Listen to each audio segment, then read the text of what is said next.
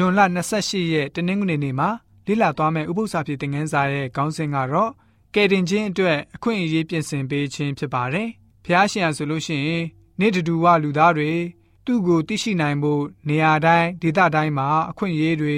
လမ်းတွေဖွင့်ပေးပြီးတော့ပြင်ဆင်ပေးတော်မူပါတယ်။တန်ရှင်းသောဝိညာဉ်တော်ရဲ့တကိုးနဲ့လူသားတွေရဲ့စိတ်နှလုံးသားတွေကိုလွှမ်းမိုးထားစေပါတယ်။လောကသဘာဝတရားကိုအရင်ပြုပြီးတော့ ဖျားရှံဆိုလို့ရှိရင်မိမိရဲ့လှပတင့်တဲ့ခြင်းအရာတွေကိုပေါ်လွင်ထင်ရှားစေပါတယ်။စစ်ကြဝဠာရဲ့လက်ပတ်သွားလာပုံအလုံးဟာဖျားရှင်ရဲ့အနိုင်မဲ့တဲ့ရွှေညံတော်နဲ့မတူပြိုင်နိုင်တဲ့မြတ်တကူတော်ကိုထင်ဟပ်ပေါ်လွင်စေပါတယ်။ဖျားရှင်ဟာအရာခတ်သိမ်းအလုံးစုံကိုစီစဉ်ထားတော်မူပြီးတော့ကျွန်တော်တို့ကိုမိမိရဲ့အထံတော်ကိုဆွဲယူနိုင်ဖို့ကြံစီတော်မူပါတယ်။ဖျားရှင်ဟာမိမိကိုယ်ကို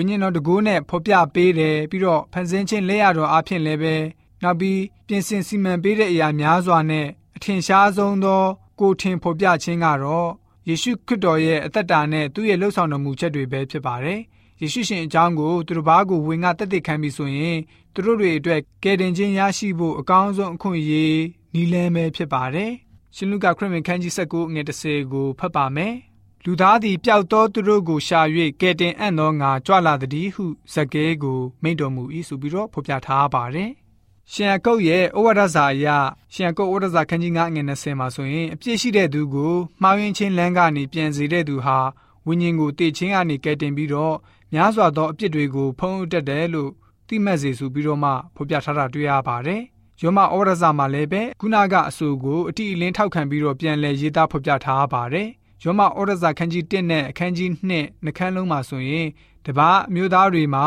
ဖန်ဆင်းခြင်းလက်ရတော်ကိုမြင်တွေ့ရပြီးတော့ဖန်ဆင်းရှင်ထာဝရဘုရားကိုမြင်တွေ့သိရှိခွင့်ရတဲ့ဤသူ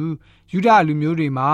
ပြောဖက်ပြုချက်နှုတ်ထွက်စကားရရှိပြီးတော့ဖန်ဆင်းရှင်ထာဝရဘုရားကိုရရှိနေပါလျက်ခရစ်တော်ကိုမယုံကြည်တဲ့အတွက်ကြောင့်ပျောက်ဆုံးနေကြရပါတယ်။ယောမဩရစာခန်းကြီး3ကနေ9အထိမှာတမန်တော်ကြီးကနေ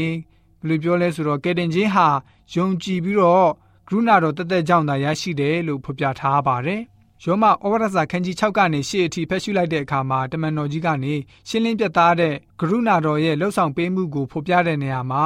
ကရုဏာတော်ဟာယုံကြည်သူကိုဖြောက်မှတ်ခြင်းအခွင့်ကိုပေးပြီးတော့တန်ရှင်းစင်ကြယ်တဲ့ကရုဏာတော်ကိုရရှိကြတယ်လို့ဖော်ပြထားပါတယ်။ယောမဩရစာခန်းကြီး30မှာတော့တမန်တော်ကြီးအနေနဲ့ရှင်းလင်းလှတဲ့တွင်တင်ချက်ကတော့ ယောမဩရစာခန်းကြီး30ငယ်73မှာအကြောင်းမူကားထာဝရဘုရားကိုပထနာပြုသောသူရှိသမျှတို့သည်ကေတင်တော်မူခြင်းသို့ရောက်ရကြလက်တန်းဆိုပြီးတော့ဖော်ပြထားပါတယ်။ဆက်လက်ပြီးတော့တမန်တော်ကြီးကနေထောက်ပြထားတာကတော့ယုံကြည်ခြင်းမရှိတဲ့သူတဦးတယောက်ကိုမှခေါ်တော်မူခြင်းခံရမှာမဟုတ်လို့အတိအလင်းမိတ်ဆိုထားပါတယ်။ကြားနာရခြင်းမရှိဘူးဆိုရင်လည်းပဲသူတို့တွေဟာယုံကြည်ကြမှာမဟုတ်ဘူးတစုံတဦးကနေပြောပြခြင်းမရှိဘူးဆိုရင်လည်းပဲသူတို့ဟာ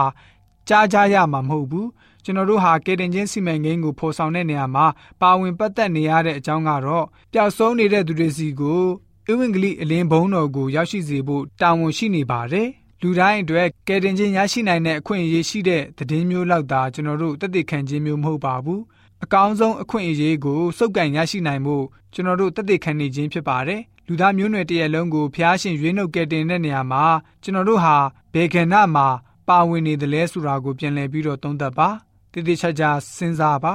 ကျွန်တော်တို့အနေနဲ့ဖျားရှင်ရဲ့အကြောင်းကိုသိရှိပြီးဆိုရင်တော့ဖျားရှင်ရဲ့ကယ်တင်ခြင်းသတင်းစကားကိုဆိုလို့ရှိရင်ကျွန်တော်တို့အနေနဲ့တတ်နိုင်သလောက်လူမြောင်များစွာကိုပြောပြတက်တဲ့ခံရမယ့်တာဝန်ရှိတယ်ဆိုတာကိုသိစေဖို့အတွက်တနင်္ဂနွေနေ့ဥပုသ္စာပြေသင်ခန်းစာကဖော်ပြထားပါတယ်။